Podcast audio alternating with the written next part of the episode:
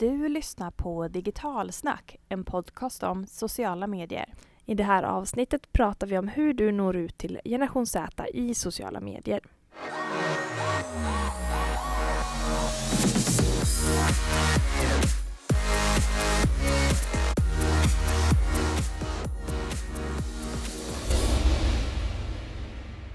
Välkommen till ännu ett avsnitt av Digitalsnack-podden.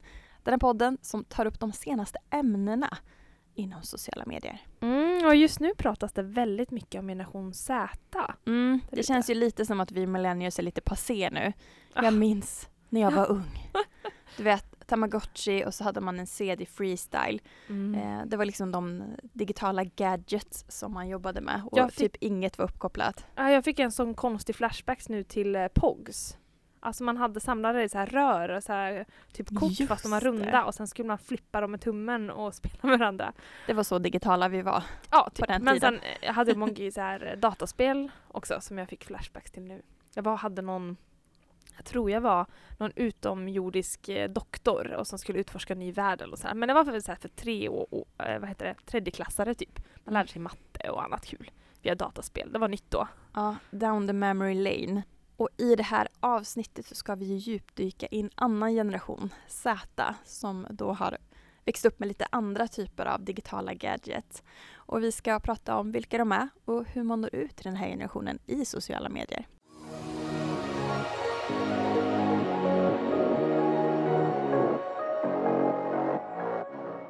Vi kan väl först börja med att reda ut vad faktiskt generation Z står för och är. Mm.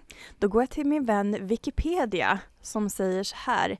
Generation Z, eller Generation Z, är en benämning på personer som föddes på mitten eller slutet av 1990-talet eller under 2000-talet och kan ibland sträcka sig fram till runt 2010. Vad kännetecknar den, denna generation, Jenny? Ja, alltså det som är det allra största är om man tänker på när började de så här första smartphones och mobiltelefoner och anknytning till internet komma överlag. Det var ju där vi i 90-talet. Så det är ju det som är stora skillnaden. De här har växt upp med, alltså uppkopplade. De har haft tillgång till det digitala livet från början när de var små. Eh, vilket gör att de också har fått möjligheter att lära sig hantera det från början. De har inte behövt anpassa sig utan det här är en del i deras liv.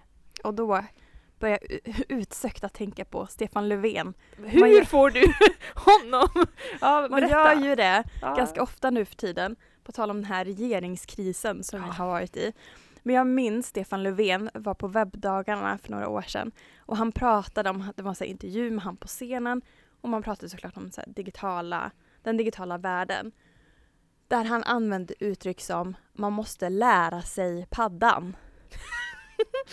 Eh, ja, Det tyckte jag var ganska intressant. det var ju verkligen inte så i generation Z. Nej, och den här generationen då, generation Z, är inte Stefan Löfvens generation. Den ska vi, den, den ska vi lämna nu. Ehm, för jag tror också att de har lärt sig paddan nu faktiskt. Ja, det, det tror jag också.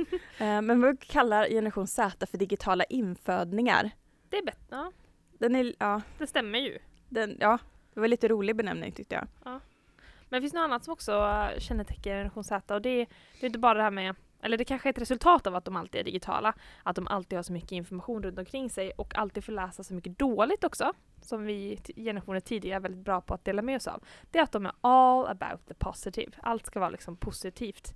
Eh, det de tycker om att ta del av. Och jag tycker det som är så häftigt med den här generationen, för just nu så rullar det väldigt mycket reklam som pushar för att vi ska få dåligt samvete så att vi ska göra val. Och det funkar ju inte alls på den här generationen. Utan här behöver man plocka de positiva sakerna. Att vi gjorde det här tillsammans, vilket gav det här. Var med och bidra du med. Eh, och ett sånt exempel är ju Save the Oceans. Mm. Där personer går ut på stränder, plockar, samlar ihop massa plast som har samlats där. Och sen gör man armband som man kan köpa. Och man pratar ju om så hur mycket plast man har samlat upp, hur fina stränderna har blivit. Och inte att plasten förstör våra stränder. Om du inte gör någonting nu så kommer, det, Mm. kommer världen försvinna. Jag följer ju mycket vegangrejer och framförallt på Instagram och där känner jag också att, att ofta när man pratar om plant-based så är det inte alltid om man visar inte så hemska kycklingbilder eller slakteri eller sånt utan det är mycket hur mår kroppen när du är vegan? Vad är liksom positiva fördelarna med att göra ett sådant hälsoval? Sen kommer det lite av det andra också. Men där märker jag också av den här positivismen att de som är eh, veganer i den generationen, och hur de pratar om det, är ju mer vad är fördelarna med det livet liksom. Och jag tror att det är för att den här generationen vill ta ställning i olika frågor. Eh, politiska, miljö, eh, socialistiska. Och det gör att de vill se det positiva i en förändring och inte att de ska tvingas in som tidigare generationer. Man har skrämt dem mm. att göra en förändring. Så funkar inte det på den här generationen. Och det tycker jag faktiskt jag är häftigt. Mm. Fler borde tänka så. Och jag kan känna att, att vissa, jag hör ju till millennials som jag känner vissa likheter i de här och börjar man kolla på vad det finns för likheter mellan generation Z och de andra generationerna så ser man ju faktiskt att, att generation Z har samma typ sociala värderingar som millennials, vi, du och jag har. Eh, men det som är intressant är att de har eh, man brukar säga att millennials är rätt lata. Jag tycker inte vi är det, men... Såklart inte. Det kan men inte vara oss de pratar om. Men att däremot eh, generationen baby boomers, som var generationen innan generation Z, X, eh, de har... Mycket ett... generationer nu. så håll koll på de här. Men vi ser, generation, baby boomers var innan generation X. Och baby boomers är födda 46 till 64. Och de hade enorm eh, så arbetsetik, så eh, work-moral, arbetsmoral. Och den här har tydligen även generation Z. Så de har den arbetsmoralen och samma sociala värderingar som vi millennials har. Jag känner ju mer vi pratar om generation Z, ju mer bilden av att de är på väg att liksom förstöra hela världen är lite tvärtom. Ja. Det är kanske de som kommer rädda världen med sin attityd och jobbmoral och eh, Kärleksfullhet ja. typ också. Ja. Exakt. Intressant. Mm. Det som också är intressant med den här generationen är ju om vi pratar e-handel just nu. Mm. Det har ju precis varit jul och det är ju alltid kaos att eh, plocka ut paket på posten. Mm. Eh, för e-handeln växer ju för varje år som är. och det här är ju, det kommer ju bara fortsätta såklart att vi kan handla över nätet. Ehm, och köpbeteendet, vi pratar i generation Z, är ganska speciellt för de går till fysiska butiker. De inspireras väldigt mycket för man vill fortfarande känna och klämma och se saker i verkligheten. Eh, däremot så är den digitala kommunikationen alltid närvarande. Så att när man går in i en butik och provar någonting så skickar man bilden till sina polare på Snapchat och frågar ska den här i gult eller ska den ha den i rött? Så att den, de digitala medlen och kommunikationen finns alltid i allt fysiskt man gör. Mm. Så i deras värld så finns inget uppdelat med köttvärlden eller den digitala världen Nej. som har blivit mer Och relationen är ju viktigare där och det kommer fram. Alltså relationen till vännerna, vännernas åsikt spelar mycket större roll. Vi i eh, millennials kanske googlar mer vart hittar jag mest prisvärda, vad ser alla eh, rapporter och eh, recensioner vad jag ska köpa. Men här är det vännernas åsikt som spelar roll. Vi brukar prata om sunt förnuft när vi pratar generation Z. Eh, för det har ju inte de. Eh, det är också någonting som skiljer, precis som du är inne på. Att vi andra, vi jämför ju ganska mycket. Vad är priset? Vart kan jag få tag på den här smidigast? Eh, är det kortare leveranstid? Får jag mm. gratis frakt? Vi jämför allting och på något vis så tänker vi så här, behöver vi ha den här produkten i också en tredje färg? Vi har lite sunt förnuft. Medan generation Z går ganska mycket på feeling. Och där är det också relationen väldigt viktig. För det också, beror också på vilka ja, med konton mm. eller personer man följer på exempelvis sociala medier som Instagram. Mm. Och är det då en person som man anser sig ha en god relation med för ofta så kanske man inte ens har träffat de här personerna mm. man följer på Instagram. Men man känner att man har en connection för att man har följt personen, de svarar på kommentarer och man har en dialog över, eh, över de digitala kanalerna. Och har den personen då den här tröjan, då kommer ju generation Z-personen att köpa tröjan.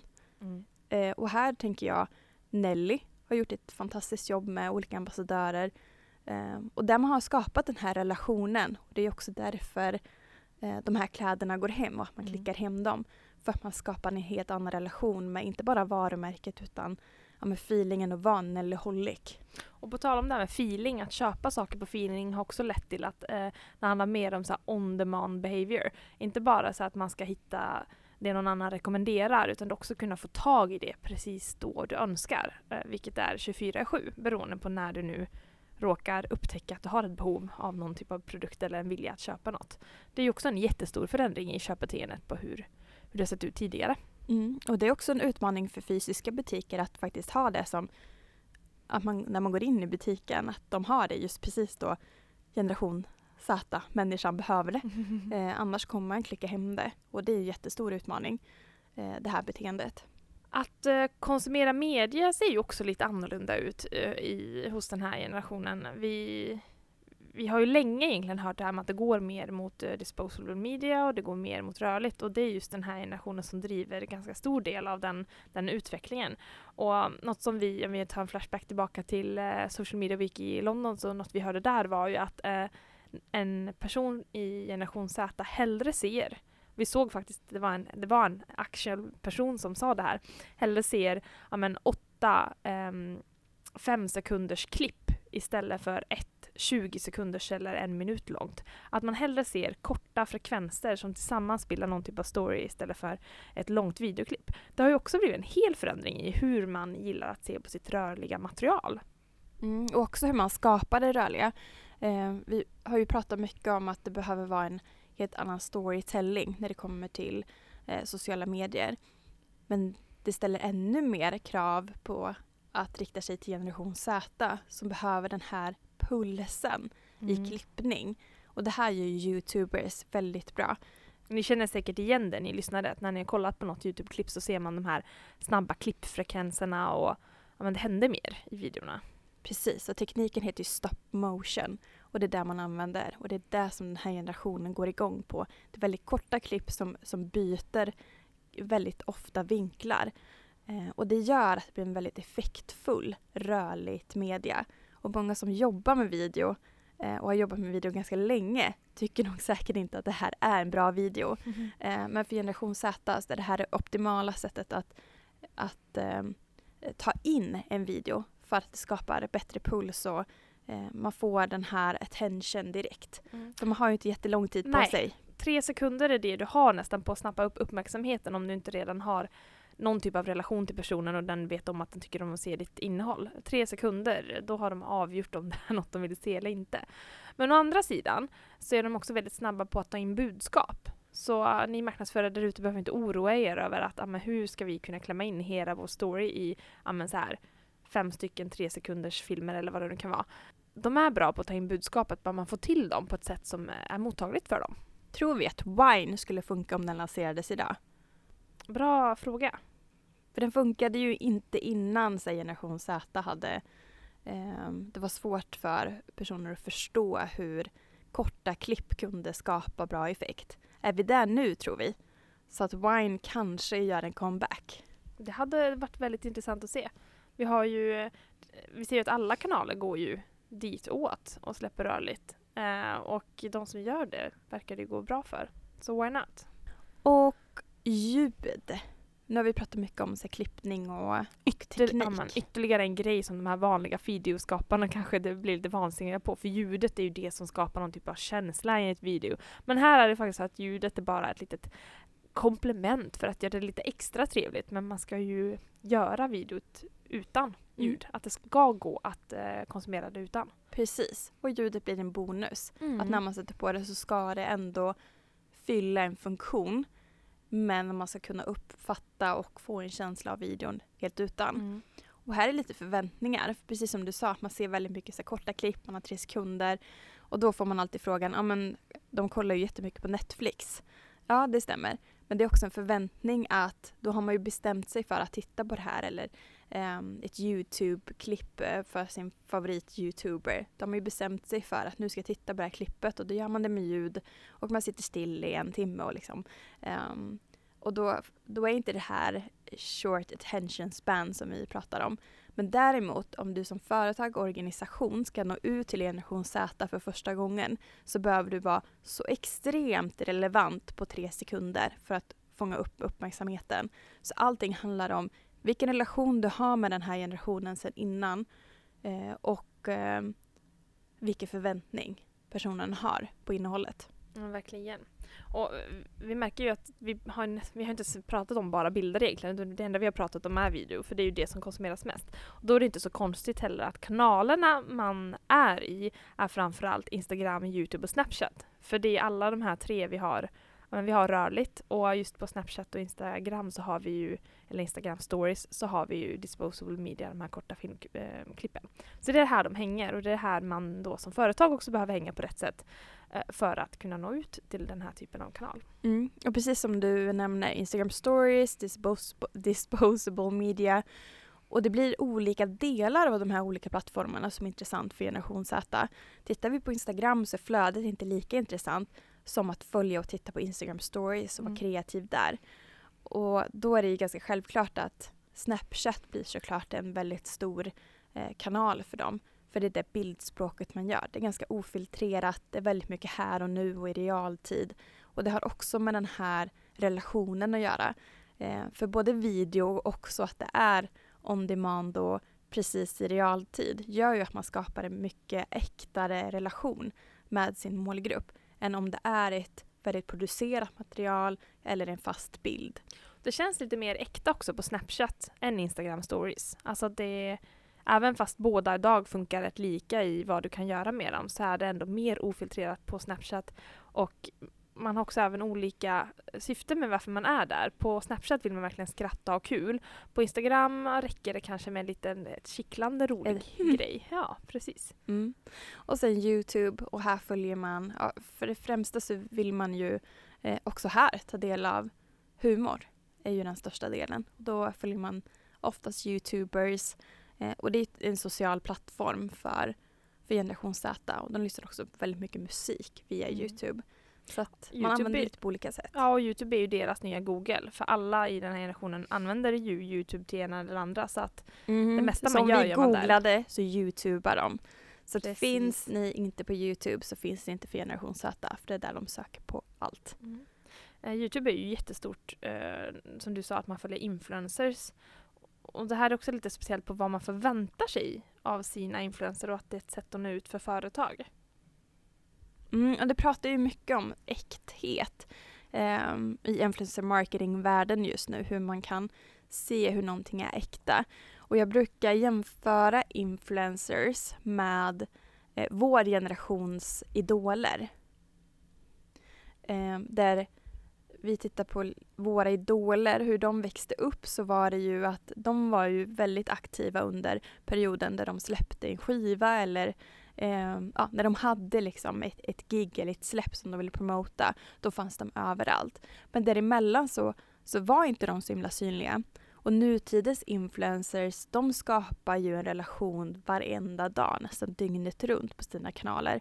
Eh, de har nästan ett arbete där de alltid släpper en video på onsdagar eller vad det kan vara. Man har liksom en förväntning och eh, en kommunikation med sina följare som vår generations idoler inte hade utan det var ett gig medan här blir det en livsstil som man har tillsammans. Och det är lite som jag pratade om innan att man kanske inte har träffat en person på Instagram som man följer men det känns som att man är vänner mm. för att de svarar tillbaka när du ställer en fråga man har den här dialogen och att de tar sig tiden också att se att det är värdefullt de som faktiskt följer. Och det är ju bara äkta typen av eh, alltså influencersamarbeten egentligen som går igenom och kommer fram. Och, och mm, exempel på det här, det görs ju väldigt många, vi har ju tidigare poddavsnitt också där vi pratar mycket om influencersamarbeten, det här med att man bara visar en produkt på ett foto eller ett filmklipp. Det ger inte lika mycket som att man faktiskt använder produkten på ett verkligt sätt och pratar om sin ärliga åsikt om den här produkten. Då är ju generation Z väldigt eh, mottagliga för den typen av, av influencer liksom, innehåll. Exakt. Man, man även där fyller ju den här produkten med värde från influencers som man litar på. Medan den här masskommunikationen, man mm. bara visar produkten och det är fik ögonfransar. Eh, den funkar inte alls. Man måste känna att det är skräddarsytt för den här personen. Och det är därför personer är mycket mer intressanta än varumärken. Det här ser vi ju på nästan alla plattformar. Ja, och det har gått ganska fort att vi har ja, lämnat varumärken och istället tittat på personer som är kopplade till varumärken. det finns där och står för varumärket och produkterna eller tjänsterna Mm. som man står för. Det är mycket mer intressanta för det finns en story. Varumärket har en, en resa såklart som också kan ha en intressant story. Men det är personerna bakom som har passionen, drivkraften Mm. och med det som är lite mer intressant. Och det är kanske därför också det är väldigt effektivt om man kan, kan använda influencers i sin eh, kommunikation. Att man, eh, för det blir viktigt att, att förstå hur generationen vill få sin, eh, sitt innehåll och den som kan det allra bäst är ju andra som är från samma generation. Och man kanske inte har någon på företaget och då får man bjuda på all sin kunskap och sin närvaro till en influencer och ha, skapa en relation med någon som kanske kan eh, arbeta ut det. Eller om man kan få någon internt. Mm. Och om man vill ha ett drinking game till den här podcasten så kan man ta en shot varenda gång vi säger relation eller värde. Bra tips! Jag listade på lördag. På, ja. Eh, någon, något annat eh, citat som jag plockade med mig från när vi var i London var det här. We don't have short attention span, we hate crappy ads. och det tycker jag sammanfattar det här med generation Z och hur de ser på eh, reklam.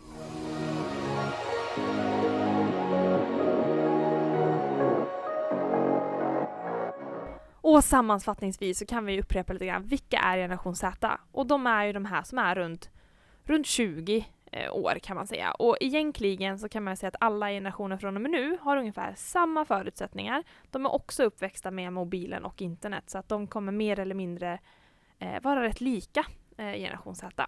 Mm. Och det som också är speciellt för den här generationen är ju att de är bara all about the positive. Ehm, och de är också ganska sp- spontana i sina köpbeslut. Verkligen. Så hur når man ut till de här unga, uppkopplade, spontana och positiva personerna? Eh, jo, man, det handlar, allt handlar om relationer och äkthet. Och de här har en bullshit-detektor inbyggd som eh, heter att duga liksom. Mm. Och vem ska då prata till den här generationen på företaget? Och det är faktiskt så att vi behöver anställa generation Z som pratar till generation Z. Det är jättesvårt att kommunicera till en annan generation. Eh, och låt dem vara kreativa och då kommer ni också nå den här generationen i sociala medier. Stort lycka till!